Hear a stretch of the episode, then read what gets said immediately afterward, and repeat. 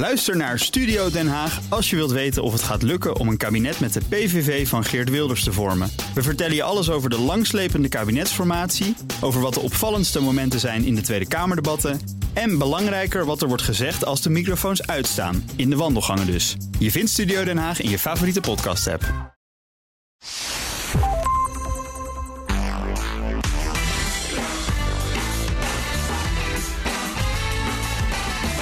Je luistert naar de Ben Tichelaar podcast. De podcast van BNR Nieuwsradio over persoonlijke en professionele groei.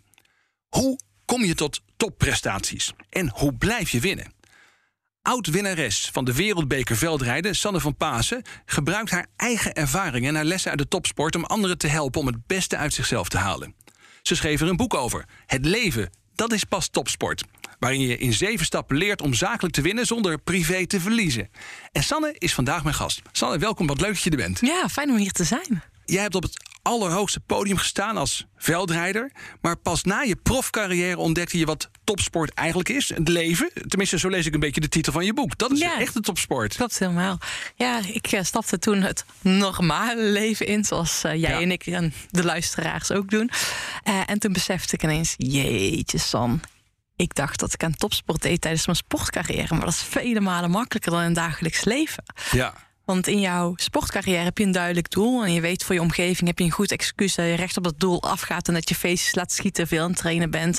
Met je eigen dingen bezig bent. Ja, en in het dagelijks leven Hè, toen ik gewoon ging werken, ja, iedereen trok aan me, iedereen wilde iets van me. Uh, nou ja, als ik niet naar een feestje wilde, omdat ik geen zin had, ja, dan vonden ze ook allemaal maar raar. Ja, dus het werd ineens heel anders om echt voluit je eigen leven, je eigen koers te bepalen. werd heel anders. Dus in de tijd dat je aan topsport deed, toen had iedereen begrip eigenlijk voor alles wat je deed en werd je ontzien. Maar nu moest je zeg maar ook je eigen tijd en alles bevechten gewoon. Ja. Hoe, hoe, oud was je toen je uit de topsport stapte? Ik was 26 jaar. 26. En daarvoor hoe lang had je, om even een idee te geven aan de luisteraars, hoe lang ben je bezig geweest om echt vol voor die uh, veldrijk carrière te gaan? Ja, ruim tien jaar. Ruim tien jaar. Dus van je 16 tot je 26 ben je dan eigenlijk al maar op één ding gefocust. Ja. Zo, nou ja, niet op één ding. Want op het moment toen ik de wereldbeker won, behaalde ik ook mijn masterdiploma en ik runde mijn eigen team.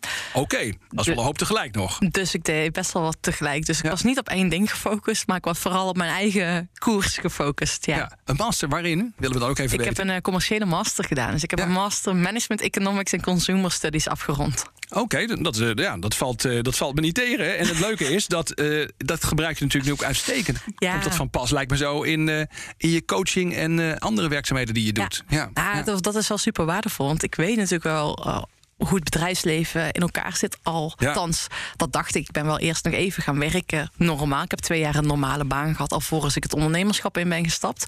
Omdat ik ook wilde voelen. Wat gebeurt er hier op, die brui op, op de bruisvloer, wil ik zeggen. Ja, op, de, op de, bedrijfsvloer. bedrijfsvloer ja, ja, ik kwam hier net binnen. Het bruist hier. Ja, dat voel je. Ja. Zeg, um, je gebruikt nu, zou je kunnen zeggen, je topsportersmentaliteit om anderen te helpen om zakelijk verder te komen. Maar over die topsportmentaliteit. En daar zit natuurlijk allerlei ideeën over. Was nou bijvoorbeeld een misvatting over die topsportmentaliteit? Wat denken mensen vaak over topsporters wat echt niet waar is? Nou ja, dat het alleen maar gas geven is. Hè? Dat ah je een doel voor ogen hebt en dat je er volle bak voor moet gaan met die oogkleppen op. Dat is zo'n grote misvatting. Oké, ja. Nou ja, dat dacht ik ook wel een klein beetje. Want hoe kan je anders zo'n wereldbeker veldrijden? Ik bedoel, dat veldrijden is sowieso een hele heftige sport. om überhaupt daar iets in te winnen is al heel knap. Maar als je dan de wereldbeker ook nog wint, dan denk ik... Nou, dat, dan kan dat alleen maar met oogkleppen. Jij zegt dat is dus niet zo. Nou ja, weet je, eh, er mag nog een doosje sturen op gevoel bij komen. Weet je, we maken te veel keuzes op onze ratio, doorgaan. Hè. Opgeven is geen optie. We spreken ook heel vaak over high performance. Ja. Nou, en in mijn optiek mag je ook die rust gaan integreren. En ook naar gaan luisteren naar je gevoel. En mijn gevoel zei tijdens mijn topsportcarrière van alles. Ik gaf heel veel informatie door. Maar ik vond het destijds ook heel erg lastig om daarna te luisteren. Maar ik ben ook heel heftig geblesseerd geraakt. Oké, en had je toen niet naar je gevoel geluisterd of juist wel? Nee, ik heb absoluut niet naar mijn gevoel geluisterd. Want zei dat gevoel dan? Nou, mijn gevoel zei ik gewoon van... Sanne, uh, misschien moet je een keer even een tandje rustiger fietsen, gas terugnemen. En misschien is het allemaal even iets te veel. Maar ja, er zat een ander stemmetje in mijn hoofd. Die zei van ja, maar je moet doorknallen trainingen doen, want anders kan je die wereldbeker niet winnen. Ja, en ook nog, ik wilde mijn studie ook nog doen. Dus ja. En hoe weet je nou dat het een dan de intuïtie is en de ander de ratio? Nou, kijk, de ratio is die hele harde doorbeukstem. Ja, ja. En dat de intuïtie is iets zachter, stemmetje, dat dieper weten. Dat je het eigenlijk wel voelt, maar het eigenlijk niet durft. Nou, dat is heel vaak intuïtie. Ja, ja. Vooral als je op het begin mee gaat werken. Ja. Bij mij is het vaak andersom. Ik, ik, ben vaak bang om iets te verliezen. En dan ga ik er heel hard voor werken. En dan zegt mijn ratio soms van... Tegelaar, joh, ben je nou, uh, waar, waar, waarom, waarom laat je nou zo ontzettend uh, beïnvloed door je omgeving? Doe het nou niet. Dus je gaat niet, je luistert niet naar wat je echt wilt. Dus je laat je tegenhouden door je omgeving. Nee, nee, ik laat mijn omgeving dan vaak allerlei dingen bepalen... waarvan ik dan achteraf, als ik er rationeel juist even over nadenk... Ja. denk van nou, je, je rent veel te hard. Ja. Maar goed. Dus je, je bepaalt niet je eigen koers. Je laat allemaal iemand anders jouw koers bepalen. Ja, precies. Ja. En dan moet ik juist even rationeel erover nadenken. Maar goed, die discussie wat ratio is, en intuïtie is, wel interessant, interessant hoor. Ja. Volgens mij luister je dan juist te veel, zeg maar... ook niet naar je ratio. Je luistert gewoon naar andere mensen. Want jouw oh, dieper gevoel is eigenlijk jouw koers... Uh, dus wat je echt wilt, is vaak ook een heel zacht stemmetje. En als je heel trouw bent aan jezelf, maar dat is wel, dan moet je wel echt tijd nemen om daarna te luisteren. Ja, nou ja, laten we even terug naar jou. Want ik kan me voorstellen in jouw topsportcarrière dat er ook best wel een hele hoop mensen om je heen waren die van alles van je verwachten. En dat dat ook wel meetelt. Ja. Ik moet zeggen dat ik daar op dat moment eigenlijk helemaal niet zo mee bezig was. Ik wilde gewoon vooral presteren voor mezelf. En dat is hè, misschien ook wel een mooi verschil tussen jou en mij. Omdat jij veel meer met andere mensen bezig bent, als, hè, wat Ja. je net zei. Ja, ik, mij maakt het eigenlijk niet zo heel veel uit. Eh, dus ik ben vooral bezig met mijn eigen koers geweest. En natuurlijk had ik sponsor. Maar ik had niet echt de druk, voelde ik van Nee. hen. Ik wist ook wel, als ik doe wat ik leuk vind, waar ik goed in ben, ben ik ook goed. Alleen ik heb eigenlijk... Ja, ik zei altijd... Ik, eh, als ik een wedstrijd startte, dan moest ik altijd mijn rugnummer op spelden. Ja, En ik, zou ook altijd, ik spelde die winnaarsmentaliteit op. En die kan ik nu nog steeds opspelden als ik iets moet presteren. Echt, ja, echt, echt op de toppen van mijn kunnen moet zijn. Doe ik dat nu nog steeds. Maar de fout die ik destijds heb gemaakt... is dat ik dat rugnummer... Die spelde ik nooit af. Dus mijn winnaarsmentaliteit, die was niet alleen op die wedstrijd opgespeld, maar die zat helemaal door heel mijn dagelijks leven heen. Ja, Dus ik maakte ja. van alles bijna een wedstrijd. Ik moest om tien uur op bed liggen. Ik, nou, dat is wel heel overdreven. Maar ik zie in het dagelijks leven ook dat veel te veel mensen veel te streng voor zichzelf zijn. En, Ja. ehm, nou ja, en af en toe streng zijn voor jezelf tijdens de wedstrijd, dat is prima. ja, dat is peak performance. maar dat moet je ook even kunnen uitzetten. Ja, het Ja. aan en uit kunnen Ja. zetten. Ja. Het aan en uit kunnen zetten. Wat is mijn koers? Wat wil ik? Dat. Hoe is dat als je op een gegeven moment bijvoorbeeld zo'n wereldbeker wint? wint? Is, het dan, is het dan ook dat, dat het ehm, ja, een beetje misschien het gevoel is van, van nou, dit heb ik nou bereikt. En, en wat, wat komt er daarna dan, weet je wel? Is, kan je altijd gemotiveerd blijven als je topsporter bent? Ook als je uiteindelijk wint of misschien wel het hoogste wint wat er te behalen valt. Hmm, ja, nou ja, op het moment als je echt, als dat echt jouw ding is, dan blijf je gemotiveerd. In mijn geval, Ja. eh, ik was uber gemotiveerd. Maar ja, ik sterker nog, ik stond op het podium toen ik de wereldbeker won. En ik schrok een beetje. Ik stond daar met honderden mensen voor, met de rillen van de kou. Het was in januari, met die prijs in mijn handen, terwijl Helmers werd gespeeld. En ik besefte ineens, hey, what's next? Wat is mijn volgende doel? Ja. En aan de andere kant besefte ik, is dit het nou? Ja. Ik ben nog steeds Sanne Verpaassen. Dus wat ik aan het doen was geweest... ik was als een kip zonder kop naar dat doel aan het werken... Ja. om daar naartoe te werken. En ik vergat eigenlijk om van die reis te genieten. En nou, ik moet zeggen, dat zie ik ook bij heel veel ambitieuze mensen die bij mij komen. Die zeggen ook, ja Sam, ik ben eigenlijk al heel succesvol... maar ik heb net die grote business deal gesloten... en dan moet ik eigenlijk heel blij mee zijn. Maar poeh, ik ben helemaal... Het voelt niet zo. Nee, het lukt mensen dan niet om ervan te genieten. En Dat Nee. herken jij dus. Dat heb jij zelf ook Ja, gehad. maar wat we heel Ja. vaak doen, we gaan pas genieten als we het hebben gerealiseerd. Ja. Maar we kunnen nu, terwijl dat we deze podcast aan het opnemen zijn, toch ook gewoon genieten van wat we aan het doen zijn. ja, toch? van een leuk gesprek. Ja, Ja, precies. Dus Ja. onderweg mogen we ook veel meer genieten. Ja, maar dat heb je dus eigenlijk pas later geleerd. Nou, jouw Ja, idee, ja. te, te laat of niet? Ja. Nou ja, ik was eh 26 toen ik stopte, dus jij Ja. zat te laat. Ja, maar te laat voor die topsportcarrière. te laat voor die topsportcarrière. Nou, maar weet je, ik ben uiteindelijk eh, daarna geblesseerd geraakt, heel heftig geblesseerd en weer teruggekomen. En de laatste jaren van mijn carrière heb ik heel erg genoten. Oké, ondanks Ja. die blessure, ondanks dat moeilijke terugkomen. Ja, maar toen, weet je, die blessure, dan kom je meer tot jezelf. Dan, hè, toen ben ik ook veel meer naar mijn gevoel gaan luisteren. Het was echt een ontdekkingsreis van mezelf. En daarna ben ik echt wel gaan genieten. Ja, maar hebben dat, daar hebben we dat gevoel weer en die intuïtie. Wat, wat is dat dan? Wat doe je dan als je naar je gevoel luistert? Wat deed jij?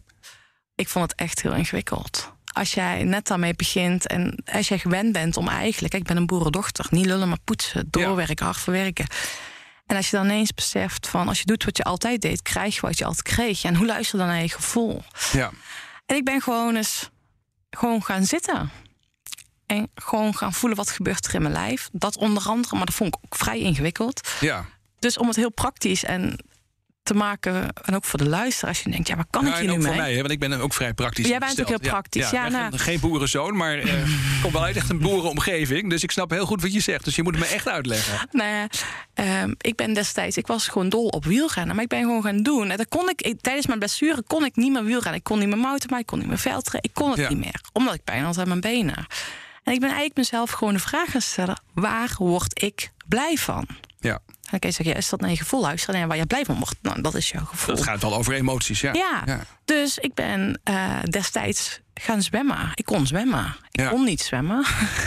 ik kon er niet eens de overkant van eh, het zwembad bereiken. Maar ik had er plezier in iets nieuws leren. Ja. Ik ging koken. Eh, ik ging heel veel de bossen in, omdat ik daar blij van werd. Daar werd ik als kind blij van. Ik ging af en toe met me naar de boerderij toe. Met, tussen de dieren werd ik ook blij van. Dus ik ging mezelf de vraag stellen, waar word ik blij van? En niet één keer, iedere dag. Ja. Dus ik stelde me iedere dag de vraag: hey joh, wat ga ik vandaag doen waar ik weer blij van word? Maar ik hoor veldrijden niet terugkomen in dat plaatje. Nou, dat kon ik destijds Nee, oké, omdat het niet kon. Nee, Nee, dus ik, je had kon, het wel gewild. ik had het wel gewild. En dan ging ik dat doen. En de grap was, als ik dan op die fiets stapte zonder verwachtingen, puur van het plezier, dan stroomde het. Ja. Ging ik te veel weer op die wilskracht zitten, was die blessure in no time weer terug. Ik denk dat heel veel mensen dat wel herkennen. hè. Dus je kunt je werk ontzettend leuk vinden. Dan word je op een gegeven moment misschien wel steeds beter erin. Dan krijg je allerlei kansen. En op een gegeven moment wordt het een verplichting. Dan moet Ja. je te veel doen. Dan ben je alleen nog maar bezig met Ja. die prestaties. En dan, het allerleukste werk wordt zelfs corvée of vervelend... als, je, eh, als het per se moeten is. Als het per se presteren is. Ja. Dat is een beetje het verhaal wat je dus eigenlijk vertelt in de notendop. Ja, en daarom geloof ik erin, eh, is echt een motto die ik altijd heb. Als je eigen spelregels bepaalt, win je altijd. Ja, dat is waar. En wat we dus heel vaak doen, we gaan dingen doen omdat we het in het begin zo leuk vinden, erg goed in zijn. Ja, en op een gegeven moment, weet je, dan worden we overgenomen door wat andere mensen van ons verwachten, omdat we onze eigen spelregels niet meer scherp hebben. Ja. En die mogen we gaandeweg, mogen we die bijstellen. Dus als je heel succesvol bent, is het inderdaad een valkuil dat je ineens dat je denkt, oh damn, nu heb ik hier Ja. alles. En het voelt ineens toch echt als werk, terwijl het ooit als passie is begonnen. Ja, omdat je niet trouw bent geweest aan jezelf en aan jouw spelregels. Had jij die blessure nodig om tot die conclusie te komen? Ja, Ja, dat, eh, hadden andere mensen je dat daarvoor wel eens verteld? ja. Ik heb Ja. echt een hele fijne trainer gehad destijds. Die heeft dat verteld. Weet je, die kon dat wel vertellen, maar het kwam niet binnen. Je moest het toch ervaren. Ja. Ja. Ja. Hoe is dat nu? Want nu probeer je mensen te coachen en probeer je mensen via je boek, probeer je mensen, nou ja, als het ware hiervan ook te doordringen. Ja. Gaat dat aankomen dan?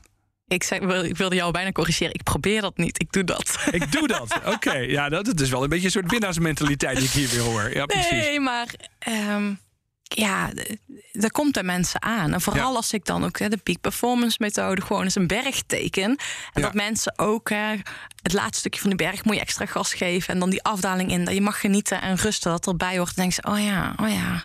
Ik zit eigenlijk altijd net boven dat topje van die berg. En ik vier nooit die overwinning, zeggen ze dan. Ja. Ja. Ehm, voordat we naar die peak performance methode gaan, dat is jouw methode die je beschrijft in je boek. Een boek Het leven, dat is pas topsport. Hoe ben je nou van topsporter een peak performance coach geworden? Hoe is dat gegaan? Dat is een mooie vraag. Nou, ik wist eigenlijk al toen ik stopte eh, met fietsen, wist ik al dat ik dit werk wilde gaan doen.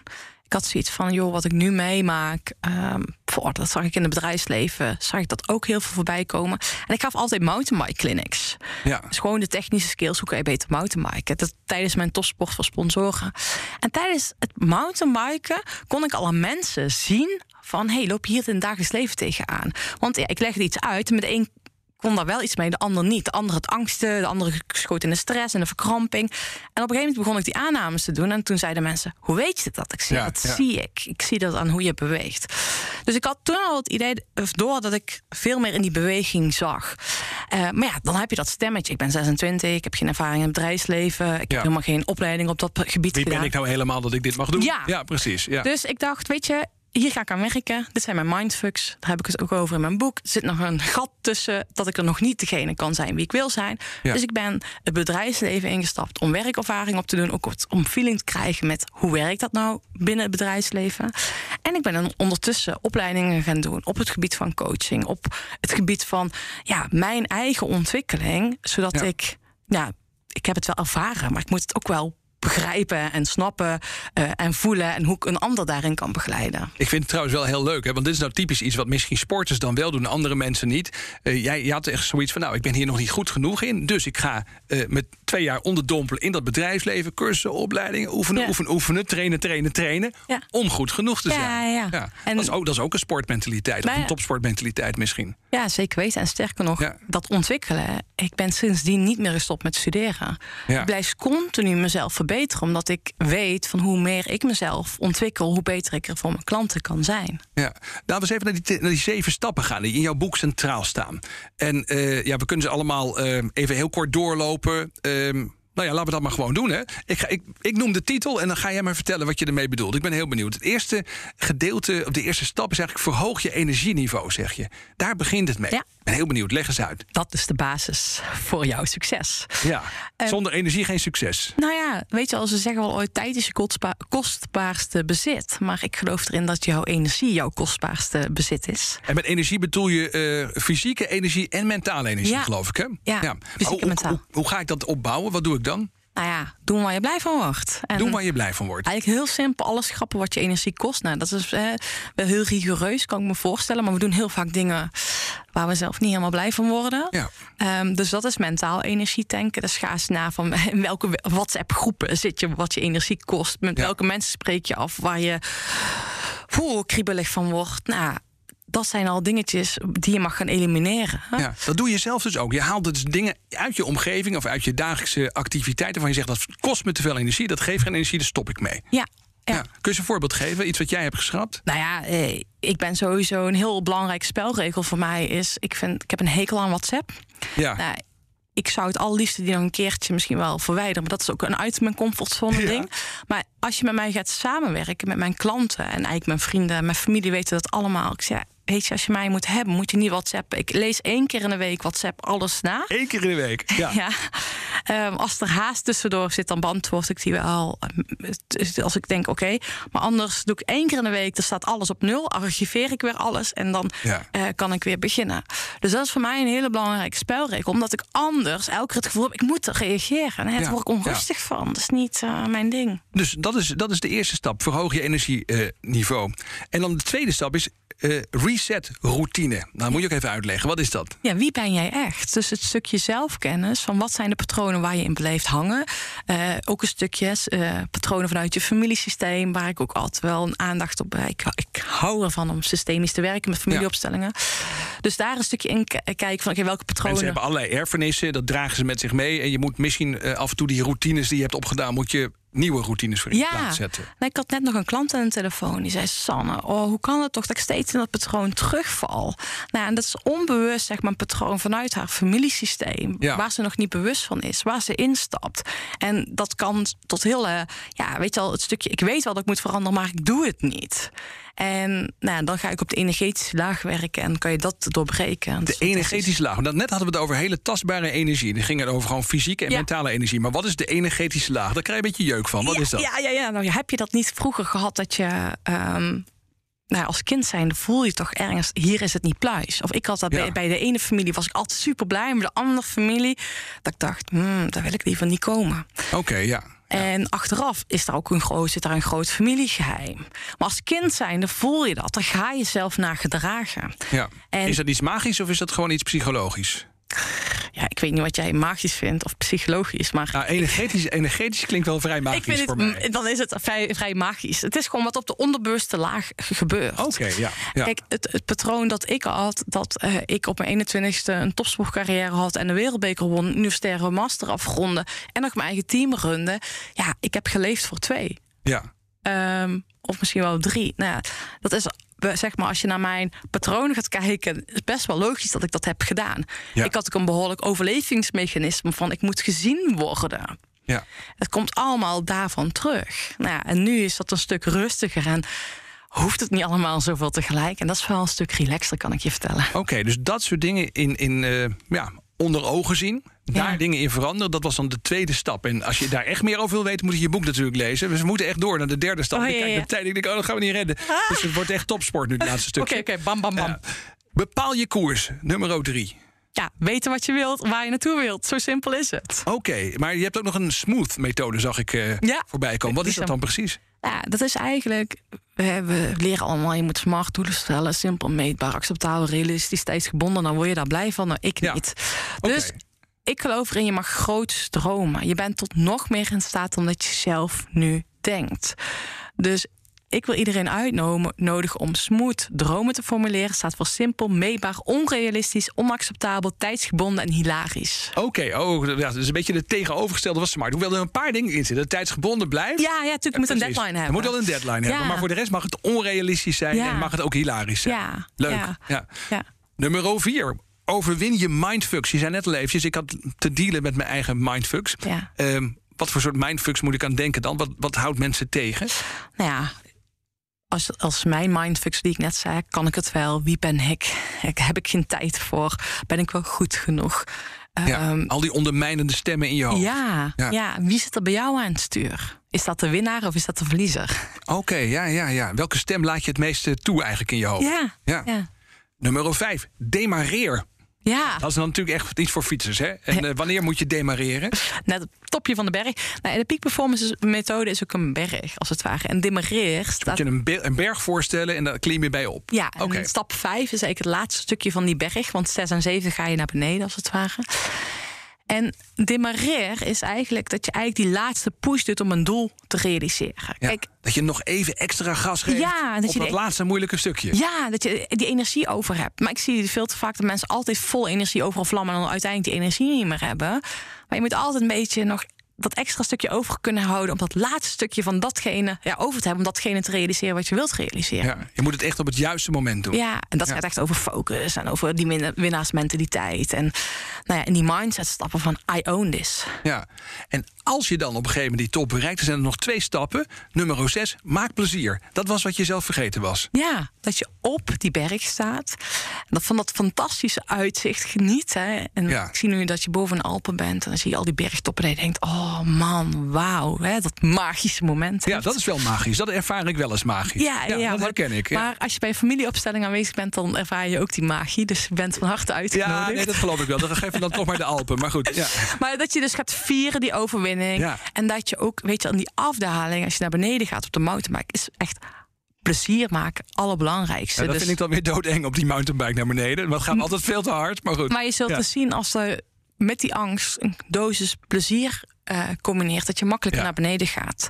Dus plezier maken is gewoon essentieel. En nummer 7, win keer op keer. Dat gaat over duurzaam winnen. Ja. Eh, dat je het blijft volhouden. Ja. Wat komt daarbij kijken? Nou, d- daar gaan we dus weer aan de slag en met die spelregels op sterp zetten. Dat is leuk, tof dat je dit hebt, hebt eh, gerealiseerd. Maar wat is nu je koers? Staat die nog wel op scherp? Of moet je je koers bijstellen? Hè? Want Ja. heel vaak stellen we een doel, en misschien herken je dat wel, dat je ergens naartoe wilt. Ik wil de wereldkampioen eh, worden, dat is mijn doel. Maar ik heb Ja. alleen maar de wereld, of alleen maar ook wel heel wat, de wereldbeker gewonnen. Ik, ik, volgens mij heb iedereen die nu luistert, die denkt: wat is het verschil? Je was gewoon de beste van de wereld, toch? Of? Ja, ja, ja. Alleen Nou, nou. over meerdere wedstrijden. Een kampioenschap is één wedstrijd. Ja, oké, goed. Maar wij vinden jou een Ja. winnaar. Ja, precies. Maar het voelde alsof ik de koers moest veranderen. Toen ik Ja. zei, ik stop met mijn carrière. Dat voelde echt als falen. En dat hebben heel veel mensen. Die zeggen, ja, maar ik wilde toch altijd dat. En nu heb ik toch ineens bedacht dat ik dat ga doen. Dat voelt als falen. Ook leren om bij te stellen en te evalueren en nieuwe doelen te stellen. Dat is ook waar het om gaat. Ja. en altijd genieten onderweg. Nog één laatste vraag. Als ik nou eh, van al deze dingen die we hebben besproken, wat best wel veel is, als ik nou een tip uit zou moeten lichten, iets waarvan je zegt, nou, dat wil ik nog even extra accentueren. Begin nou daar eens mee. Hè. Dan eh, ga mijn boek kopen, maar voordat je het hebt gekocht en hebt gelezen, doe alvast dit, probeer alvast dit. Wat zou dat dan moeten zijn? Maar het ook twee dingen zijn. Ja, mogen twee dingen zijn. Ja. Koud douchen. Koud douchen, ja. Want dan is het al de eerste overwinning boekt. Die je 's ochtends hè, meteen in de ochtend koud douchen. Dat is Ja. een hele belangrijke. Dat kweekt wilskracht, hè? Wilskracht, Ja. maar is- Mind over matter in dit geval. Ja. Ook en ook ehm, het verhoogt je energieniveau is een hele belangrijke. En ik zou een fuck it list gaan maken. Een fuck it list. Oké, Ja. geen bucket list, maar een fuck it list. Ja, van dingen die je denkt, oh, die zou ik heel graag willen doen. Maar oh, al die stemmetjes gaan ratelen. En, oh, en dat bedoelde Fuck it bedoelde dus, ik ga toch ga ik het doen. Ja, fuck it, weet je, fuck it, ik ga het toch doen. En dan ga je, weet je, we kunnen wel meteen dingen gaan, iets gaan aanvliegen in je werk of in privéleven, om daar dingen te veranderen. Maar dat is vaak, weet je, dan zitten we in ons patronen. Ja. En het is heel vet om, dat, om iets, dat patroon te doorbreken door op een ander gebied in je leven te gaan trainen. Dus een fuck it list en daar een item van te doen. Hey, dat ga ik nou eens ownen, dat ga ik eens doen. Wat stond er bij jou op die fuck it list? Hmm, parachute springen. Parachute springen, ja, Ja. zoiets. En dat ben je gewoon gaan doen. Ja, Ja. ja. En dat is ook de reden waarom ik met mensen altijd de fiets opstap, de mountainbike op. Want dan kan ik ze een beetje uit hun comfortzone halen. Ja, ja. Dat klinkt heel goed. Dankjewel. Echt eh, super dat je in korte tijd zoveel met ons wilde delen. Sanne van Pasen, eh, voormalig winnaar van de Wereldbeker Veldrijden. Zo moet ik het zeggen. En nu prestatiecoach en auteur. Wat fijn dat je er was. Dankjewel, Ben. Dit was de Ben Tigelaar podcast. Wil je op de hoogte blijven van de beste tips onder meer uit mijn podcast? Ga dan naar tigelaar.nl slash bnr en meld je aan. Dank voor het luisteren.